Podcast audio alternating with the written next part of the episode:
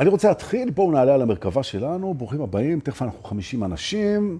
הנה שני דקלור, למרות שזה דלקור, כן? דקלור, לוגסי, תני לי לעוות את שם משפחתך, זה מדליק אותי. מה אכפת לך? שאני יודע שאת באה לרקוד, איזה כיף, למרות שילדת במזל טוב, נכון? והנה אוראל אדרי פה.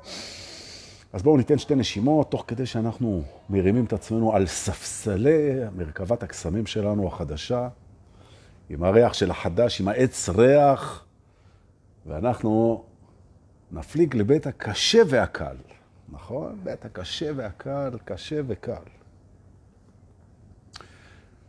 ברוכים הבאים לבית הקשה והקל. אנחנו הולכים לעשות שינוי, כרגיל, השידורים האלה זה מסע בתוך ממלכה פנימית, אני מציע פרספקטיבות, אם זה מתאים אתם לוקחים, אם זה לא מתאים אתם שוכחים, ואנחנו מתרגלים, והמטרה זה שיהיה פשוט וקל ההגדרה, שיהיה יותר כיף בחיים. זהו, לפניכם מורה רוחני, לכאורה, בתפקיד, כאילו, למרות שיודע. והמטרה זה פשוט שיהיה יותר כיף. זהו. ולכן הגענו עכשיו לבית הקשה והקל. אני רוצה לדבר על זה, על התובנות. נכון, של קשה וקל. בניגוד, אני מתחיל. תובנה ראשונה לגבי קשה וקל, ברוכים הבאים למסע הממלכה, אנחנו מתחילים. בניגוד למה שחשבנו פעם, כן? קשה וקל, שזה דבר סובייקטיבי, דבר סובייקטיבי, קשה וקל, הוא בעצם מנגנון הכוונה מהטובים ביותר שקיבלנו. נכון. עכשיו, מה שאני אגיד לכם עכשיו, האגו יכול מאוד להיות שהוא יקפוץ בהתנגדויות. ויכול להיות שזה יהיה לכם קשה או קל, לא משנה. אוקיי. הוא יקפוץ בהתנגדויות, טוב מאוד. כל פעם שהאגו קופץ בהתנגדויות, א', צריך לתת לו חיבוק, כי הוא חמוד כשהוא מתנגד. שתיים, זה תפקידו, כי הוא עוד לא התעורר. כשהוא מתעורר הוא לא רוצה להתנגד, הוא רוצה לצמוח. אוקיי? זה בסדר? ולא להתנגד להתנגדות. אוקיי? קשה וקל זה מנגנון הכוונה. מה זאת אומרת? זה אומר ככה, כשקל לנו אנחנו בדרך הנכונה, כשקשה לנו אנחנו לא בדרך שנכונה לנו. נכונה, הדרך הנכונה, זו הדרך שנכונה לנו. אין דבר כזה הדרך הנכונה. אבל דורקה, אפשר לראות את זה אחרת? נכון, אפשר לראות את זה אחרת. ועכשיו תבחר, אם לראות את זה ככה, זה קל לך, נכון? אם זה קל לך, זה הדרך הנכונה בשבילך. ואם זה קשה לך, אז זה לא הדרך הנכונה, אבל אתה יכול להסכים איתי. נכון? אוקיי, בסדר. אז מה דורקה, מה אתה רוצה להגיד לנו בתובנה הראשונה? שאנחנו צריכים לחפש את הדרך הקלה? תראו איזה זלזול יש לאגו בקטע הזה של אתה מחפש את הדרך הקלה, אחי. אתה מחפש קיצורי דרך. אתה מחפש... בדיוק ככה. נכון? הדרך הקלה היא הדרך הנכונה. אני תכף אסביר גם למה. הנכונה לנו, נכון. אז קודם כל, תובנה שנייה, אז קודם כל זה כבר לא יהיה, כי אתה לא יכול להגיד קודם כל תובנה שנייה, נכון? אז זה הדרך הראשון, הדבר הראשון, זה הקודם כל. קודם כל, הדרך הקלה היא הדרך הנכונה, וזה הכוונה. הכוונה. זאת אומרת, אם דרך מסוימת היא קשה, היא לא נכונה. עכשיו, זה לא אומר שלא צריך ללכת בה. זה לא אומר את זה. זה אומר שצריך לבדוק מה קשה בה ולעשות שינוי. לפעמים לא צריך לשנות את הדרך, צריך לשנות את מה שקשה בה. ואני אסביר, אני אסביר הכול. אבל קודם כל, תדעו לכם, השינוי שאנחנו עוברים היום ביחד, תודה שבאתם, 60 אנשים, אתם יכולים לצרף את החברים שלכם ולשתף אחר כך, לא חייבים. אם אתם הולכים למקום קשה, אז או שזה לא נכון לכם, או שהקושי ניתן לשינוי. הקושי אינו, אינו צורך בדרך. הדרך אמורה להיות קלה, ואם היא קשה, או משנים את הדרך, או משנים את הקושי. זה אמור ללכת בקלות. נכון. פאולו קואלו, הידוע, שכתב את האלכימאי, ספר שלדעתי כדאי מאוד לקרוא. הוא אמר שכשאתה מחליט ללכת על הייעוד שלך, על ה calling שלך, על הדבר שבעצם נועדת ללכת עליו, או במילים אחרות, על השביל שהוא הכי נכון לך. מבחינת משמעות, מבחינת יכולות, מבחינת מתנות. כשאתה מחליט ללכת עליו, כל העולם והיקום עוזר לך. מה שהופך את הדרך לקלה. נכון. אבל לפני שאנחנו משתיתים את זה במערכת, בואו נבדוק בעצם מה מייצר קושי. ובכלל, מה ייצר לך קושי בחיים? כי יכול להיות שהדרך היא קלה והקושי הוא אשליה בכלל. שאתה חווה קושי דרך המחשבות שלך ודרך כל מיני דברים, וזה באמת לא קשה, ואתה הולך בדרך הנכונה, וזה קשה לך בגלל שאתה טועה בתפיסה, ולמעשה זה לא קשה. גם זו אפשרות. אז בואו נבדוק. בואו נסכים שאם קשה לך, אתה צריך לעשות שינוי או בדרך או בקושי. נעזוב רגע את הדרך ונדבר על קושי, מה מייצר קושי. נושמים עמוק, אה, ונזכרים שיכול להיות שקשה לך כי אתה לא נושם. נכון? אפרופו נושמים עמוק. אז קודם כל, יכול להיות שהקושי הוא בנשימה. נכון. תבין שיש קשר בין המחשבות שלך, התפיסות שלך, הזיכרונות שלך, הרצונות שלך, התשוקות שלך, לבין הגוף שלך. נכון? הגוף שלך, תסתכל גם על אנשים מבוגרים, אתה תראה את זה. הגוף שלך אט-אט הופך להיות התפיסה שלך. עכשיו, אם התפיסה שלך היא תפיסה של חיים כבדים, מכבידים, קשים, מלחיצים, אתה עלול למצוא את עצמך בגיל מתקדם, כפוף, מתוח, גרום, לחוץ, נוקשה, תפוס מאוד, כן? זה נהיה, אבל ההפך. אם החיים מבחינתך הם בקטע של זרימה, של אהבה, של שחרור, של קלות, יכול להיות שאתה תהיה... כן. פה האגו קופץ ואומר, מה, זה לא תמיד ככה. נכון. גם מה שאתה חושב לא תמיד ככה. זה בסדר. זה לא טיעון ולידי, זה לא תמיד ככה. זאת תפיסה, מה שאני מציג פה. ואתה יכול להקשיב ללב שלך אם היא מתאימה לך, ואם הוא אומר שלא, אז זרוק אותה לזבל. אבל אם הוא אומר שכן, אז תיישם אותה ותתרגל אותה. זה הכל. נכון. תקשיב אם זה מתאים לך. אם כן, תיישם, אם לא, תתפטר מזה. נכון. וכך תעשי עם כל דבר. אבל תכף נגיע לזה. נכון. קושי, הרבה פעמים, הוא מגיע בכלל ממקום של אי-קבלה עצמית. וזה הופך את הדרך שלנו למאוד קשה, כי כשאנחנו מתנגדים למי שאנחנו, כל דבר שאנחנו עושים הוא קשה. למה? נגיד שיש לך ביקורת עצמית על איך שאתה מתנהל. על איך שאתה פועל, על איך שאתה חושב, על מי שאתה, על איך שאתה נראה, על איך שאתה מחזיק את עצמך, על ההוצאות שלך, על ההכנסות שלך, על הפעולות שלך, על הזיכרונות שלך, על המסיב שלך. אתה שיפוטי וקשה ומלכי ומלחיץ, כל דרך הופכת לקשה. והפוך. אם אתה רך עם עצמך, אתה זורם עם עצמך, אתה מאפשר לעצמך, אתה סולח לעצמך, אתה נע בנינוחות, אתה לא ממהר, אתה עושה בחירות שקולות, אתה מאפשר לעצמך טעויות, אתה לומד בקלות, אתה מתקן בקלות, אתה משנה בקלות, כמעט כל דרך תהיה לך קלה. נכון?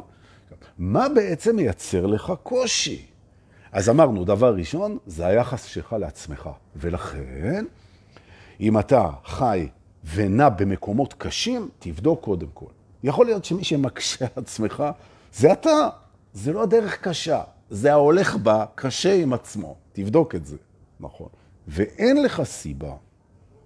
ועכשיו ההורים שלך יקפצו מתוך חלון ההכרה. וגם המורים, וגם התלמידים, וגם המפקדים, וגם חברי הכנסת הנכבדים, וכל המערכת היא תקפוץ עכשיו מהחלונות שלהם, כשאני אגיד לך את הדבר הבא. תראה, בזה שאתה קל עם עצמך, ובזה שאתה קליל עם עצמך, ובזה שאתה סולח לעצמך, ובזה שאתה מפרגן לעצמך, ובזה שאתה נינוח עם עצמך, ובזה שאתה רך עם עצמך, זה לא מוריד את הביצועים שלך. המחשבה שאומרת שאם אתה תרדה בעצמך, תנגוש בעצמך, אני חושב, יש מילה כזאת. כן. מקווה שאני אומר אותה נכון, יהודה. אם לא, אני אלמד. אולי תנגש, אומרים, תנגוש, תנגוש. הנוגשים, כן, כאילו, כמו מובילי עבדים. אם אתה תהיה קשה עם עצמך, כמו שההורים היו איתך, כמו שהמורים היו איתך, כמו שהמדינה הייתה איתך, זה יוביל לתוצאות רצויות. אה, לא נכון. לא נכון. אילוף הפחדה, קושי, משמעת, זה לא הדבר, זו לא הדרך לאן שאתה רוצה להגיע. לא, לא, לא, לא. נכון. אגב, זה לא עומד, בניגוד לעניין, שאם אתה מוותר לעצמך, ואתה מחפף את עצמך, ואתה לא דורש מעצמך, ואתה לא מייחס לעצמך, ואתה לא לוקח את עצמך ברצינות, אז יכול מאוד להיות שזה ילך לצד השני, שזה גם לא נכון לך.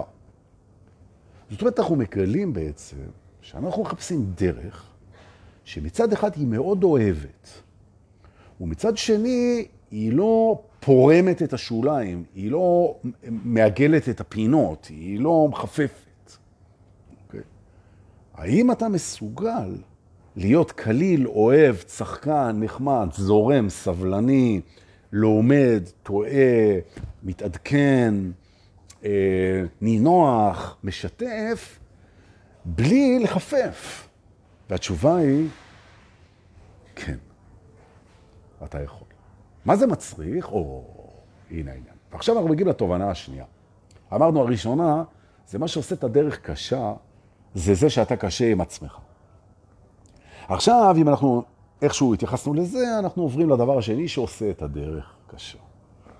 וזו הבחירה שלך בדרך או ביעד, ותכף נדבר על מערכת היחסים בין יעד לדרך, כי דרך היא עומדת מול עצמה וגם מול היעד. הרבה פעמים הדרך קשה לך כי היא אמורה, אני אגיד את זה עוד פעם, היא אמורה להביא אותך ליעד שהוא לא נכון לך. ולכן בעצם הדרך נבחרה על ידך להביא אותך למקום שהוא לא מי שאתה. אתה בחרת את זה מסיבות לא נכונות. טעית. טעית ביעד והדרך הפכה לקשה. כי בראש שלך, התפקיד של הדרך זה להביא אותך אל היעד, ואתה בחרת יעד שהוא לא מתאים לך, ובחרת אותו מהסיבה פשוטה, שאחד, לא הכרת את עצמך באמת, ושתיים, פחדת. שאם אתה לא תגיע ליעד הזה, אז אתה לא תקבל את החיים שרצית. אהבה, יחס, שפע, ווטב.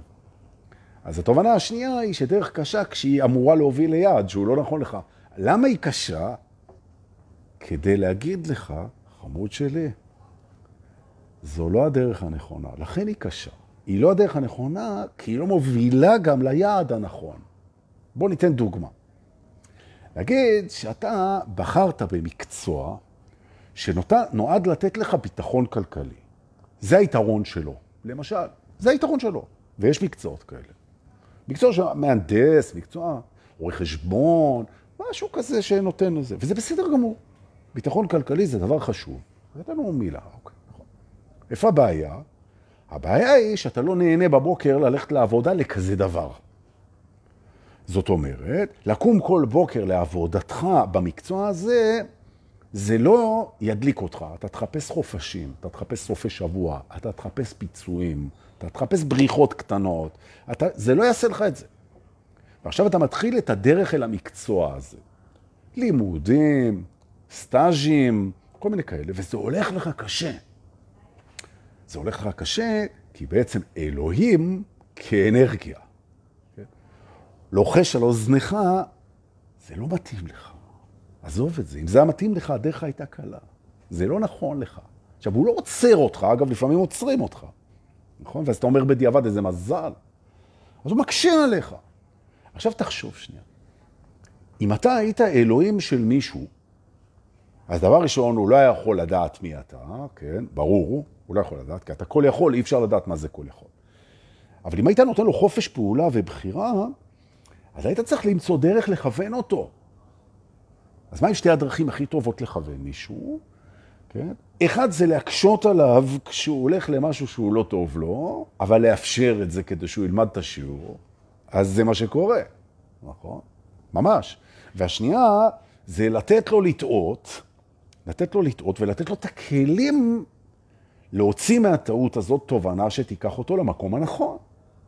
זאת אומרת, זה יכולת למידה והשמה ויישום, וגם בעצם אתה מקשה עליו במקום הקשה ועושה לו קל בנכון. עכשיו, אם אני מקשיב לזה, ואני לרגע מקבל את זה, לא כי זה נכון, אלא כי זה משרת אותי, אז אני רואה שכל החיים זה עבד לי. בעצם היה לנו תמיד דרכים קלות ללכת בהן. אוקיי? דרכים קלות. עכשיו, לא להתבלבל, לא להתבלבל. אתגר, מה שהופך אותו לקשה, זה אתה. זה אתה זה שהופך את הדברים לקשים. נכון, לעלות בעלייה זה יותר קשה מאשר ללכת במישור. נכון? למה זה יותר קשה? כי זה כרוך במאמץ. מי הגדיר מאמץ כקושי? מאמץ זה מאמץ, וקושי זה משהו אחר. מי אמר שמאמץ זה קשה? נכון? תחשוב בן אדם שהכל הולך לו קל בחיים. נורא קשה לו. קשה לו, קשה לו להעריך דברים, אז קשה לו. קשה לו למצוא משמעות, קשה לו. קשה לו אה, להרגיש טוב עם עצמו, כי הכל הולך לו קל. קשה לו, קשה. אז קשה לו, אתה שם לב? קושי, קושי, זה דבר סובייקטיבי. מה שהופך דברים לקשים, שני דברים, אני מסכם. או שזה בדרך למקום לא נכון, או שאתה לא נכון עם עצמך בדרך. אוקיי? איזה יופי, אנחנו יכולים לשנות את זה, נכון. בואו ניקח את הצד השני. כשאתה מדויק עם עצמך, ואתה מדויק עם התדר, ואתה מכוון למטרה שהיא נכונה לך, ואתה מתנהל נכון מבחינה קוסמית, ויש חוקים קוסמיים, כולנו מכירים אותם, כמו חוק הדחייה והמשיכה, ההתחלה והסיום, יחסיות הזמן, אנחנו מכירים את החוקים. אהלן? אז כל החכים, חכה רגע, אני רק, אה, שנייה, אני אעשה הפסקה קלה. לא אעשה הפסקה קלה. אני אשתה בירה. אוקיי? אז בעצם מה אתה מגלה? שכשאתה זורם עם מה שנכון לך, מה שאמיתי שלך, מה שאמיתי לך, ואתה נעזר ביקום, והכל זה נהיה נורא קל, אבל זה לא נהיה קל ברמה שאתה מזלזל בזה, שמה שבא בקלות הולך בקלות, אלא מה שבא בקלות הולך בקלות. לא הולך מתבזבז, אלא זורם. מה שבא בקלות, זורם בקלות. זו הכוונה של המשפט הזה. ולא, אין לך ערך למה שקיבלת בלי מאמץ, או במילים אחרות. הסגידה למאמץ היא טעות של חברות, טעות של חברות כמו חברה סובייטית וחברות, שבעברן בעצם קידשו את העבודה הקשה, כי זה היה ב-DNA ההישרדותי שלהם. אז אנחנו באנו בעצם, ancestors, אבותינו, נגזר עליהם חיים עם הרבה מאוד מאמץ, והם הפכו את זה לאידיאולוגיה. למשל, אלה שבאו לייבש את הביצות, כן? שבדיעבד לא היה צריך לייבש אותם בכלל, כן? לא משנה. או אלה שעלו עלייה ראשונה, עלייה שנייה, ובאו לפה ולא היה פה כלום, והחיים היו קשים. הם באו מגרמניה, הם באו מכל מיני מדינות, אלה גם שבאו ממרוקו וזה. הם באו ממקומות מוקמים, קיימים. באו לארץ ישראל, ליישב ארץ ישראל. וגם מהמזרח וגם מהמערב והכל, והיה פה כלום, נכון? וזה היה מאוד קשה, או זהו, שזה לא היה קשה.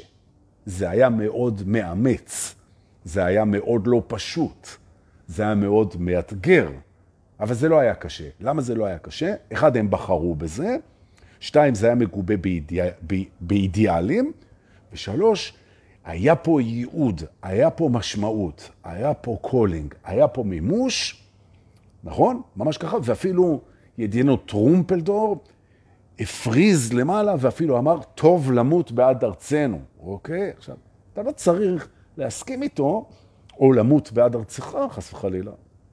אתה צריך להבין את הכיוון הזה. זאת אומרת, בעצם לחיות ולמות בעד איזה משהו שאתה מאוד מאמין בו, זה לא קשה. זה טוב. זה טוב, זה הרעיון. אוקיי. זאת אומרת, אנחנו משנים פה היום את המושג קשה וקל. קל זה נכון לי. קשה מצריך תפיסה חדשה או על הדרך או על מי אני בדרך. ואם כבר הזכרנו את המושג הדרך, אז בואו נלך לתובנה שקשורה בדרך, אוקיי? קודם כל, דרך היא מהות. נכון? הדרך בעצמה היא מהות. ואם אנחנו נפתח את הרזולוציה, מי אני בדרך עכשיו, זו מהות מזוקקת. מי אני עכשיו בדרך, זה יותר חשוב מאחד, לאן מובילה הדרך, שגם אין לי שליטה על זה, וכל שאלה אחרת לגבי מה היה בדרך ומה יהיה בדרך. מי אני עכשיו בדרך, נכון? וזו מהות. מאחר שאנחנו תמיד בתנועה, אז הדרך היא היעד, נכון? זאת אומרת, גם דרך שמובילה ליעד, תחשבו על היעדים שלכם. דרך שמובילה ליעד, כשאתה תגיע ליעד, אז היעד, אם תגיע, אז היעד הוא תחנה בדרך. ברגע שהגעת ליעד, הדרך ממשיכה, היא לא נצרת. אז אם רצית להיות עורך דין, והדרך עוברת דרך הפקולטה למשפטים באוניברסיטת תל אביב, שהגעת וקיבלת את תעודת העורך דין שלך והכל, עכשיו זה הפך מיעד לתחנה בדרך. או במילים אחרות, כל יעד הוא תחנה, למעט הדרך שהיא תמיד היעד. או במילים אחרות, אם אנחנו משנים את העניין, היעד האמיתי הוא להיות מי שאנחנו באמת עכשיו בדרך. זה היעד. נכון. אז אם אתה רוצה להשיג את היעד, תהיה מי שאתה רוצה להיות עכשיו בדרך. נכון. זה הרעיון. וזה מאוד קל. וזה נורא קשה לא להיות. כי אתה קשה עם עצמך כשאתה לא מי שאתה רוצה להיות. נכון? תחשוב שאתה עומד מול הראי, את עומדת מול הראי. אז uh, מיד, מיד, מופיעה רשימה של ריג'קשנים, כן? של איך הייתי רוצה שזה ייראה אחרת. תעשו את התרגיל הזה. תעמדו מול הראי, או מול המראה, לבחירתכם, ותראו ישר, ישר, שמופיעה רשימה של את זה הייתי משנה, זה הייתי רוצה ככה, הייתי רוצה ככה, הייתי רוצה ככה, הייתי רוצה, זה לא ככה, זה לא ככה, זה ככה. זאת אומרת, אתה מסתכל בעצמך, בפרצוף שאלוהים נתן לך. נכון. אתה נותן לעצמך מבט הכי טוב שאתה יכול, כן? והופ, עולה הרשימה. עכשיו אני אומר, זה בסדר, זה תקין, אין בעיה. האגו, הוא, יש לו רצונות לגבי שהיית רוצה להיראות אחרת, להיות אחרת, הוא רוצה, הוא רוצה אחרת. זה האגו. חיבוק לאגו, הנה הרשימה, לשים בצד. עכשיו תסתכל בעצמך, לא מהמבט של האגו, נכון? מהמבט של ההורה הפנימי. וזה יהפוך לך את הרגע שבו אתה מסתכל על עצמך לקל. כי אני מזכיר לך שנושא הבית הזה זה קל וקשה.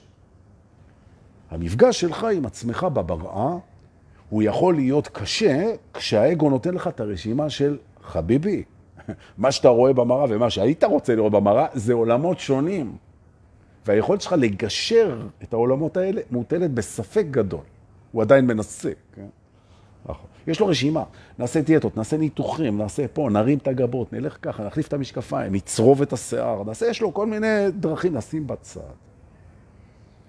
ואם לא הגעתם עוד למצב שאתם יכולים לשים את האגו שלכם בצד, אז זה לא אומר שאתם לא יכולים לעשות את זה עכשיו, פה, ביחד איתנו, תכף 80 אנשים בלייב, כזה תשתפו את זה, אם ירצה השם, ויאללה, שים אותו בצד ותסתכל עכשיו על עצמך, זה לא עכשיו, זה אחרי השידור. תלך למראה, תסתכל, תראה איך האגו יש לו את הרשימה, תן לו להגיד את הרשימה שלו. אתה רוצה להיות ככה, אתה רוצה ככה, גבות כאלה, אוזניים כאלה, שיניים כאלה, עיניים כאלה, גיל כזה, גוף כזה, איזה יופי, איזה יופי, איזה... תן לו את כל הרשימה, הוא ייתן לך. כמו שלוקחים אוטו למכון בדיקה לפני קנייה, מלא ריג'קשנים. טוב. שים בצד, תנשום.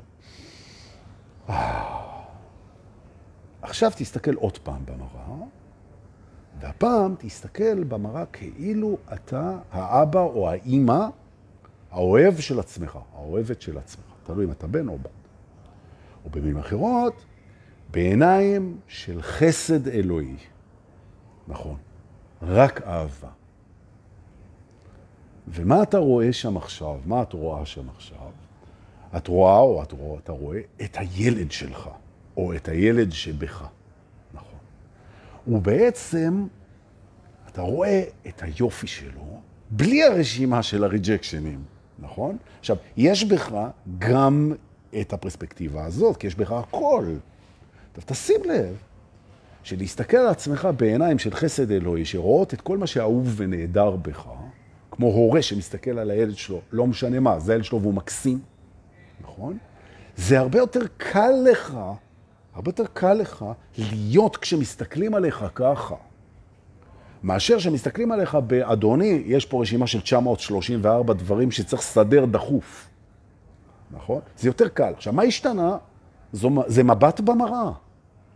זה שני מבטים במראה בשתי פרספקטיבות שונות. וכן, אם אני אסתכל בפרספקטיבה האוהבת, אז אני לא אשפר כלום. אני לא ארזה, אני לא אעשה ניתוחים פלסטיים, ואני לא אתגלח, כי פשוט זה טוב מה שזה נראה לי כך, ואני לא, לא אשתפר. או. למה אתה צריך להשתפר? וזו שאלה שאני רוצה שאנחנו נעצור עליה עכשיו. כי בדרך הקלה והקשה נכנס העניין שלה להשתפר. להשתפר. אני רוצה שאנחנו נעשה שינוי פה היום. תדע לך, בשביל להיות אהוב, אתה לא צריך להשתפר. אני רוצה להגיד את זה עוד פעם. בשביל שאת תהיי אהובה על עצמך ועל אלוהים, את לא צריכה להשתפר. ומה לעשות שהעולם בחוץ הוא השתקפות שלך, נכון? ולכן בעצם הדבר הראשון שאנחנו צריכים לזכור זה שאנחנו אהובים לגמרי על ידי עצמנו ועל ידי הבריאה כמו שאנחנו, בכל גיל, בכל מצב, בכל צורה, בכל מקום בדרך. אהובים, אהובים, אהובים, שזה אומר שמקבלים אותנו ככה ורוצים בטובתנו. ככה, ככה, זהו, ככה. וככה, אולי צריך להגיד, וככה, כן, יהודה, תעזור לי. כן? ככה, הרבה יותר קל ללכת בדרך. אתה הולך בדרך כשאתה כבר אהוב. זאת אומרת, אהבה עצמית, שזה לא העדפה והערכה. העדפה והערכה זה לא אהבה, אהבה זה קבלה כרגע ורצון בלהיטיב. אהבה עצמית אינה יעד, היא נקודת הבסיס.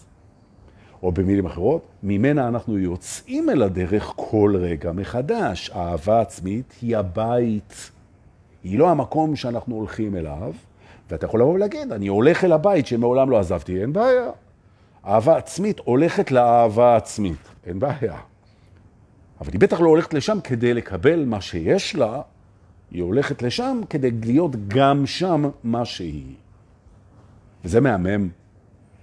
זאת אומרת, התובנה השלישית שלנו היום, זה שמה שעושה לנו את הדברים קלים, זה מערכת היחסים שלנו עם עצמנו, או הליכה בדרך שנכונה למי שאנחנו באמת. זה שני הפרמטרים. איזה יופי. לסלוח, למשל, לסלוח, זה הרבה יותר קל מאשר לא לסלוח. שאתה אומר, בוא'נה, אני לא מצליח לסלוח לו, זה נורא הייתי רוצה לסלוח. מישהו פגע בי, מישהי פגע בי, נורא אפילו, ואני רוצה להיות אותנטי, ובוא, אני לא מצליח לסלוח. אני לא מצליח לסלוח. נורא קשה לי, קשה לי, קשה לי לסלוח. שים לב שלא לסלוח זה הרבה יותר קשה. כי קשה וקל זה דבר יחסי. עכשיו, זה שאתה אומר שזה בלתי אפשרי לסלוח, זה בלתי אפשרי גם לא לסלוח. תשמע, זה קשה נורא, ואני מזכיר שוב פעם, הסליחה היא עבור הסולח. וכאן אנחנו פותחים פרק, שמי שלומד את הקורס בניסים הוא מכיר אותו, שהוא קשור בעצם לעיניים סולחות. אני רוצה ללמד את המושג הזה, פה בבית הקל והקשה, כי עיניים סולחות מאפשרות חיים קלים, אוקיי? מה זה עיניים סולחות? עיניים סולחות בעצם זה מותג, זה מושג ממש, שאומר בעצם שכל דבר שאני מסתכל עליו הוא חף מאשמה. מדוע? כי הוא בעצם כוונה טובה שעושה טעויות. זאת אומרת שכשאני מסתכל על כביש שמעץ לא סללו אותו כמו שצריך, או על uh, ראש ממשלה שעשה טעויות בניהול משברים, או שאני מסתכל על ההורים שלי, שהם לא היו שם כשהרגשתי שהייתי צריך את זה. או שאני מסתכל על הסביבה שלי שהיא אטומה לאנשים חלשים ומוגבלים. ובעצם האגו, הוא מאוד רוצה לנהל האשמות. הוא רוצה להסתכל ולראות, זה השם בזה, זה השם בזה, זה השם בזה, זה השם בזה, ואז הוא יכול להתנגד ולהרגיש חי. זה אגו רדום, שלא יתעורר. כשאתה מתחיל להסתכל בעיניים סולחות, אתה מסתכל על אנשים ברגע הזה, כולם, מצבים, אנשים, כולם חפים מאשמה. לא שאין להם אחריות על המעשים שלהם. לכולנו יש אחריות על המעשים שלנו. ויש לנו מה ללמוד ולהשתפר ולשלם את חובנו לחברה. סליחה היא לא הסרת אחריות. סליחה זה הנכונות לראות את הבן אדם כרגע כאהבה טועה ולומדת. זה הכל. ואז אתה לא מתנגד אליו ברגע הזה, או במיוחד אתה לא מתנגד לשום דבר. עכשיו, זה הופך את החיים למאוד קלים. מדוע? אתה לא פוגש את ההתנגדות שלך בחוץ. הוא אומר לך שבחוץ זה שיקוף שלך, אתה, ברגע שהעיניים שלך סולחות, אתה חף בתחושתך. או במילים אחרות, מסע האשמה על כל הפשלות והטעויות שעשית בחיים, וכולנו עשינו, נעלם, מתפוגג, ואתה יכול לשתות בירה לף בכיף ולחייך. שלום לכם. ולנשום. אה, נכון. עיניים סולחות זה משהו שמוריד את משקל האשמה מעלינו. כי אפילו האגו יודע שאתה לא תצליח לסלוח לעצמך לפני שסלחת לכולם. דבר כזה, נכון. ובעצם אתה, אתה סולח גם כי זה בשבילך, וגם כי כולם טועים, וגם כי ברגע הזה העבר איננו, וכל האשמות כולן, וכל, צריך להגיד, וכל האשמות כולן שייכות לעבר. ותפרידו את האשמה מהאחריות. אתה יכול להסתכל ולראות שאנשים אחראים על הפגיעות שהם עשו. לגמרי, גם אתה. אבל האשמה הזאת, מבחינה אנרגטית, איננה. כולם חפים. ואז מגיע משהו שהוא משהו מאוד קסום בתוך הקסמים של הבריאה פה. קורה משהו שנקרא חסד האלוהים. וזה ישנו בקורס בניסים. אני מלמד עכשיו פרק מהקורס בניסים. חד וחלק. חסד האלוהים בעצם הוא מה שמחליף, הוא מה שמחליף מבחינה אנרגטית בתוכך את הטינות, את האשמות, את הכעסים, את הפחדים, את הלחצים, את התסכולים, נכון? את הנפרדות ואת המוות. חסד האלוהים, או במילים אחרות, עיניים סולחות מאפשרות לך לקבל את חסד האלוהים, או במילים אחרות. אם אין אשמה ברגע הזה, יש הרבה אחריות.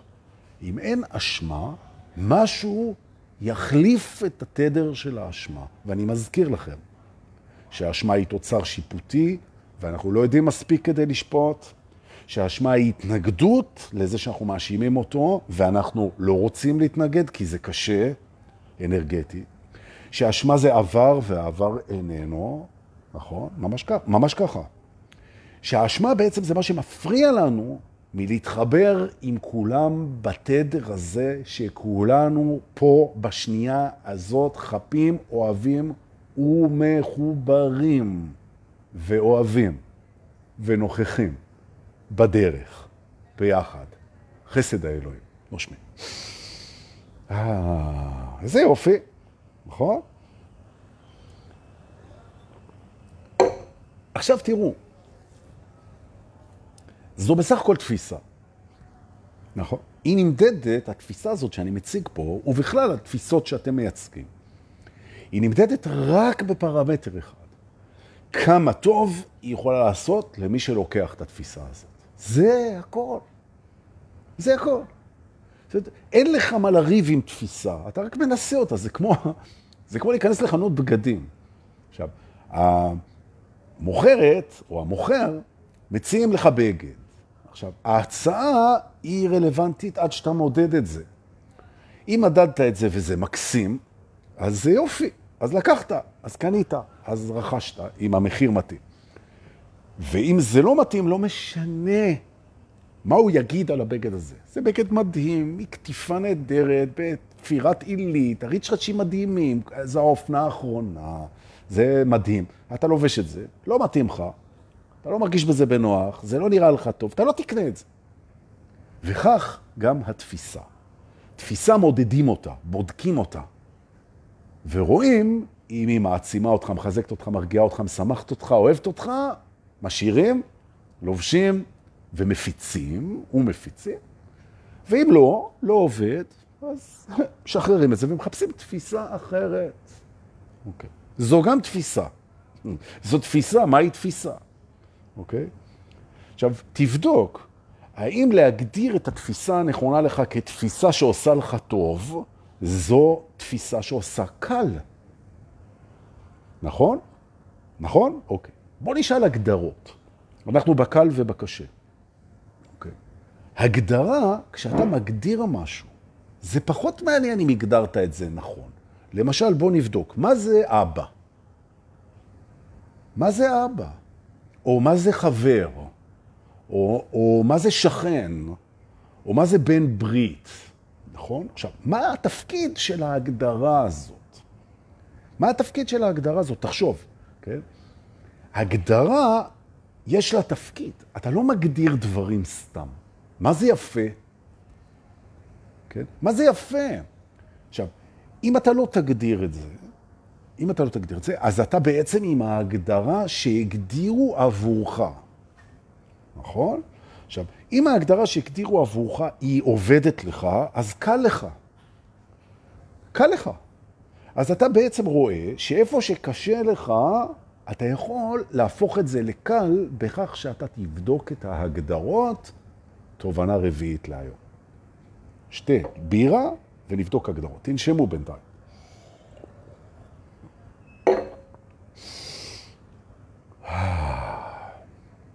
דיברנו על מה הופך את הדרך קשה וקלה, ועכשיו הגענו להגדרה חדשה, לכבוד הסוף שבוע, כשהמטרה שלי, וגם שלכם, להפוך את הדרך של כמה שיותר אנשים לקלה יותר. נכון. האגו אומר, מה, קלה? אני מזלזל בדרך קלה. מי שהיה לו קל בחיים, הוא לא למד שום דבר. מה זה השטויות האלה? מאיפה זה בא, הדבר הזה? זה מחברות חשוכות, הדבר הזה, הישרדותיות. נכון. בוא נגדיר מה זה חיים. ואתה תגלה שהגדרה נכונה לחיים הופכת לך את החיים קלים. נכון. החיים זה לא קיום. נכון, החיים זה לא קיום. כן? עכשיו, אנשים מגדירים חיים כהישרדות. מה זה החיים? עכשיו, אם החיים זה קיום, החיים ייכשלו. כי אם המטרה שלך זה לשרוד, אתה כבר נכשלת. כי יום מותך הוא ודאי כרגע. אתה הרי תמות, ככל בן אדם שהיה פה לפניך. נכון. כולנו נמות. אז לא יכול להיות שהחיים זה להתקיים. עכשיו אומר, זה לא, זה לא מהות החיים. מהות החיים זה לא לחיות. אלא אם תגדיר מה זה לחיות, ואז נראה אם זה מהותי. אז בוא נשאל, מה זה לחיות? כדי שנוכל להגיד, מהות החיים זה לחיות. ואני מוכן לקבל את זה. אבל תגדיר מה זה לחיות. עכשיו, אנשים, כשאתה מביא אותם בסשן, אני יושב בסשן עם בן אדם, ולא טוב לו, קשה לו, רע לו, הוא ממורמר, הוא מפוחד, הוא לחוץ, הוא עצבני. אני אומר לו, תגיד לי, מה זה חיים? מה זה חיים? אז אומר, קודם כל אנחנו מסכימים שכדי לחיות צריך להתקיים, נכון, אבל חיים זה לא קיום. עכשיו, אנשים עסוקים כל היום בלהתקיים, בלהתקיים, בהישרדות. זה חברה מערבית, נכון? הם מתעסקים כל הזמן בהישרדות, כן? עכשיו, אדוני, זה אבוד. אתה לא תשרוד עוד 20 שנה, עוד חמישה חודשים, עוד שעתיים, עוד 120 שנה, נגמר, אה, תם הטקס. לא יכול להיות שאתה חי כדי לשרוד. אתה שורד בשביל לחיות. מה זה החיים? תגדיר. ואני אגיד לך, את ההגדרה שעושה לי קל, אוקיי? החיים זה קודם כל לקבל את המציאות עכשיו בלי התנגדות. זה קודם כל. אתה שואל מה זה לחיות? תעשה איתי. תנסה רגע. קבל רגע את החיים כמו שהם עכשיו, על כל הרבדים שלהם, בכל הרמות, מחשבות, רגשות, זיכרונות, רצונות, עכשיו תקבל אותם בנשימה, ותוריד את ההתנגדות מולם כאילו שזה יעזור לך גם עכשיו. התנגדות היא לא מובילה לשינוי עכשיו. היא מובילה אולי לשינוי בעתיד. החיים זה לא עתיד, החיים זה עכשיו. העתיד עוד לא התחיל, העתיד זה מחשבה. דבר ראשון, כדי לחיות, נושמים, כי בלי נשימה אין חיים. תנשום, ותקבל את עכשיו בלי התנגדות. תודה על עכשיו. קודם כל. זה חיים קיבלת, אחד. שתיים, חיים זו אהבה. מה זו אהבה? אהבה זה, אהבה זה קבלה ללא תנאי של עצמך ושל מי שאתה אוהב, ללא תנאי לאהבה, כן? שזה זרימה שהיא זורמת בלי הפרעה מהמחשבות, מהרגשות, מהזיכרונות, מהרצונות. אהבה היא ללא תנאי, כמו שאתה אוהב את הילד שלך, כמו שאתה אוהב את הכלב שלך, כמו שאתה אוהב את עצמך. זאת אומרת, אם אתה מקבל את ההווה כמו שהוא בלי התנגדות, ולא נותן לשום דבר להפריע לאהבה, קבלה ללא תנאי, זאת אומרת, הבן אדם לא צריך להשתנות, האירוע לא צריך להשתנות, החיים לא צריכים להשתנות, אלוהים לא צריך להשתנות, אתה לא צריך להשתנות. בשביל להרגיש אהוב, מה זה אהוב? שמקבלים אותך ככה, ללא תנאי, ורוצים בטובתך. זהו. שני אלמנטים, קבלה של הרגע הזה בלי התנגדות, וקבלת עצמך והסביבה כראויים לאהבה, ואתה רוצה בטובתם, ככה כמו שהם, לפני המחשבות, לפני הרצונות, לפני הפרספקטיבות, ככה. נושמים. אתה מתחיל לחיות. יופי. עכשיו אתה בוחש פנימה את הרצון שלך. יש לך רצון לעונג, זה נהדר. נכון? אנחנו באנו לפה גם להתענג. יפה. עכשיו, אחרי שקיבלת ואחרי שאהבת, אתה אומר, איך אני מתענג פה כמה שיותר. מעולה, אל תתבייש בזה. נכון. החיים זה about pleasure נכון. רק מה לעשות? שבאת לעולם דואלי, ואלוהים שהוא גאון, הוא יצטרך לסדר מקום שאתה יכול להתענג בו הרבה ולכאוב מעט. נכון. לא אמרתי לסבול, לסבול זה תוצר התנגדותי. אתה לא מתנגד להווה, זה לחיות. כשאתה סובל זה אומר שאתה מתנגד. כשאתה מתנגד, אתה לא באמת חי. אתה שורד. ולכן תוריד את ההתנגדות, ואת הכאב שאתה מרגיש, תתייחס אליו בשתי רמות. והנושא כרגע זה מה הקשר בין כאב לחיים. הכאב מאפשר את סקלת העונג, אתה תהיה חייב לכאוב בחיים כדי שתוכל להתענג. תסכים לכאוב. שתיים, הכאב מכוון אותך. הוא מושך את תשומת הלב שלך לתיקונים, לשינויים שאתה צריך לעשות. כל כאב, גם כאב רגשי וגם כאב גופני, תשאל את עצמך, מה אני לומד מהכאב הזה? מה השיעור שלו? ולא רק איך אני מעלים אותו, מתנגד אליו, מתעלם ממנו, נלחם בו, כועס עליו, מתמרמר עליו, בוכה עליו, לא מסכים לו, או במילים אחרות, מפסיק לחיות בגל הכאב, מתמקד בו, מתקרבן ממנו. זה לא לחיות חמוד, זה לשרוד. יפה. אז הנה אתה מקבל את הרגע הזה בלי התנגדות. הנה אתה אוהב בלי שהמחשבות יפריעו. והנה אתה מסכים שבחיים יש עונג וכאב, והכאב הוא מורה גדול ומאפשר את העונג. הנה השלישייה. קבלה, אהבה וסקאלה של עונג עם כאב. אם אתה השתתת את שלושת הדברים האלה, יש לך הגדרה של מה זה לחיות.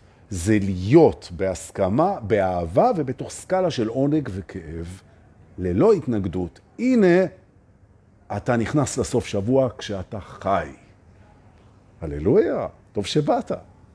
איזה יופי, נכון? וזה קל, זה קל. עכשיו, הסביבה תגיד לך, הוא השתגע, הוא הצטרף לאיזה כת, סודות האמת הנצחית שאתה. הוא דפוק, הוא לא נורמלי, הוא איבד את זה, הוא כל הזמן, הוא מבסוט, הוא קם בבוקר, טוב לו, הוא אוהב, הוא הפסיק להתנגד. הוא בחר, הנה אני מגיע לתובנה הבאה, הוא בחר יעדים, ויעדים הם מתחלקים לשני סוגים, יעד פנימי ויעד חיצוני. הוא בחר יעדים, ואנחנו הבוחר, שהם משקפים את מי שהוא באמת. הוא בחר אותם עם הלב. הוא בחר אותם כי הם הרגישו לו. הוא בחר את החברים שלו כי הם מרגישים לו נכונים. הוא בחר את העיסוק שלו כי זה מרגיש לו נכון. הוא בחר את הדרך שלו כי היא מרגישה לו נכונה. הוא בחר להתלבש איך שמרגיש לו נכון. הוא מקשיב ללב שלו ונותן ללב שלו לבחור את הדרך. וואו. עכשיו אתה כבר קפצת, חמוד שלי. כי ברגע שהלב בוחר לך את הדרך, כל הקונפליקטים שלך הם לא מעניינים כבר את המחשבה. המחשבה יכולה לרוץ כמה שהיא רוצה. למה ככה? למה ככה? כי ככה הרגיש לי. ואני עכשיו נותן פה מתנה לסוף שבוע. ויכולתי, אתם מכירים אותי, אני הרי פטפטן חסר מעצורת. יכולתי לדבר על זה עכשיו עד יום ראשון בבוקר. אבל אני לא רוצה לקחת לכם את כל הזמן, ולכן אני נותן את המתנה הזאת ואני אסגור את השידור בסיכום ואני אספר קצת על המסיבה וזהו, אבל הנושא הוא רחב, ועוד נתייחס אליו. ותבואו לשבת, אני מתייחס לשם כל שבוע, אני מתייחס ל... לא, למה אתה אומר כל שבוע? פעם שבוע. נכון, כי איתן לא נתן לי כל שבוע להיות בשבט בימי שלישי, הוא צודק, הוא נותן זירה למורים מדהימים אחרים. נכון? ואני בא ולומד מהם ומתפתח, בזכות איתן ובזכות המורה. אבל דורקי, הפרעת הקשב שלך השתלטה פה. מה המתנה שרצית לתת לנו לסוף שבוע? אז אני אגיד לכם. בסוף שבוע הזה אנחנו נעשה שינוי מאוד גדול בכלילות של הדרך שלנו. אנחנו נפסיק, אם נבחר, לתת דין וחשבון לשכל. אנחנו נותנים לשכל תשובה מאוד פשוטה, והיא הולכת ככה. שכל יקר, שכל יקר, וחשוב, שאני אוהב אותך ומעריך אותך מאוד, ואתה משרת אותי מצוין, הכל. אני החלטתי לתת ללב להוביל. לתת להוביל. והסיבה שהחלטתי לא באה מהשכל. זה פשוט מרגיש לי נכון. ואני משתדל להיות נאמן לדבר הזה. אני הולך עם מה שמרגיש לי נכון, כל זמן שאני לא פוגע באנשים. אני הולך עם מה שמרגיש לי נכון, כל זמן שאני לא פוגע באנשים. וזה שאגב, אנשים החליטו שהם נפגעים מזה, זה שלהם. כן? אני שומר לא לעשות פעולות פוגעניות. נכון. הולך עם הלב. הולך עם הלב. עכשיו תודיעו ללב שלכם, שהוא נכנס למשרד המנכ"ל. שלום לב יקר, אתה הפכת להיות המנהל שלי, אני אקשיב. הלב, הוא מדבר על עכשיו, הוא מדבר על הפעולה הבאה שלכם, הוא מדבר על אהבה, הוא מדבר על קבלה, הוא מדבר על הווה, הוא מדבר על חיבורים, הוא מדבר על ייעוד, הוא מדבר על מתנות, הוא מדבר על זרימה, הוא מדבר על סקס, והוא לא מדבר על מה היה ומה יהיה. זה השכל. ואני מקשיב ללב ומקבל החלטה לפעולה הבאה שלי. עושה אותה הכי טוב שאני יכול עם הלב, והולך אל הפעולה הבאה שלי. הכי טוב עם הלב הזה. וכשהשכל שואל, תגיד, מה קורה כאן? הוא אומר, לא יודע. הולך עם הלב, מתמסר. תוסיפו את זה להגדרה מה זה חיים, תחזרו על השידור, תוך כדי שמשתפים אותו כמובן. מה זה חיים? תוסיפו את זה לזה שאנחנו, היעד שלנו זה מי אנחנו עכשיו בדרך, תוסיפו את זה לקבלה של עצמכם כרגע, בלי הרשימה של הריג'קטים, אלא מהמבט של ההורה הפנימי, ותוסיפו את כל מה שלמדנו פה בשידור, ואני מבטיח לכם דבר אחד, גבירותיי ורבותיי, יהיה לכם קל. זהו, נכון. I'll drink to that, לחיי הקלות שבדרך. נכון. אותם מתי מעט שרוצים לבוא בחמישה לנובמבר לרקוד איתנו ברחבה, שוב אני אומר, זה לא המקום ל bonding, זה לא המקום. זה כן, אבל זה לא הדגש. לא bonding, לא תכנים, לא סדנאות, לא... פה מדובר סוף שבוע סביב הנושא של ריקודים, 70 איש, ממש המטרה זה רחבה, רחבה, רחבה, רחבה. נכון, יהיה איתי סדנה בערב, זה נכון, ונכון, אולי נעשה עוד איזה משהו, זה קבלת שבת. נכון, זה כרגיל מביאים אוכל לנו ולכל האחרים, ונכון, יש שם את הג'קוזי ואת הבריכה ואת כל מה שאנחנו רגילים בנטור, אבל הפעם זו קריאה לאנשי הרחבה. אגב, אלה שרוצים את הסדנאות ואת ה bonding ואת ההיכרויות ואת הכל, אני דואג לזה ויהיה. אבל לא בחמישה, שישה לנובמבר בנטור. זה מיועד לנו. וזה הזמן שמי שמכם רוצה, הוא יכול לפנות לוואטסאפ של מיטל מורן, כן?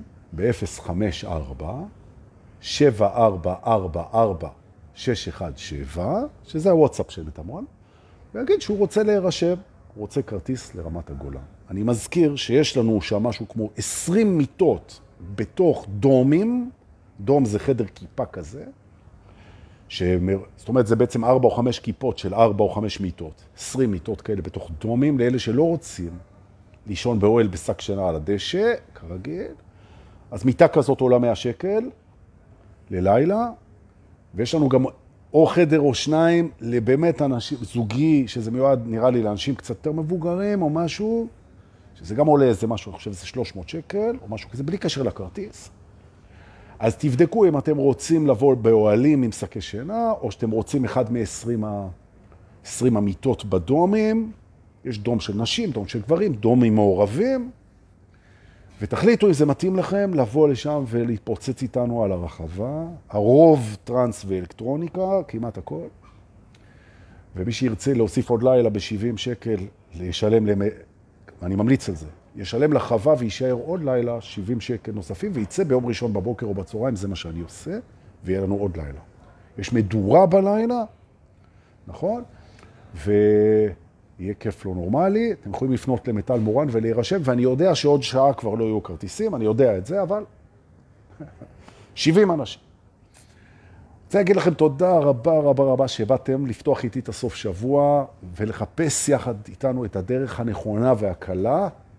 הללויה. תלכו לרקוד, תסתכלו מסביב, תהיו מי שאתם רוצים להיות. תודה לאלה ששולחים לי בביט וב PayBox וב PayPal כסף, תודה רבה במתנה.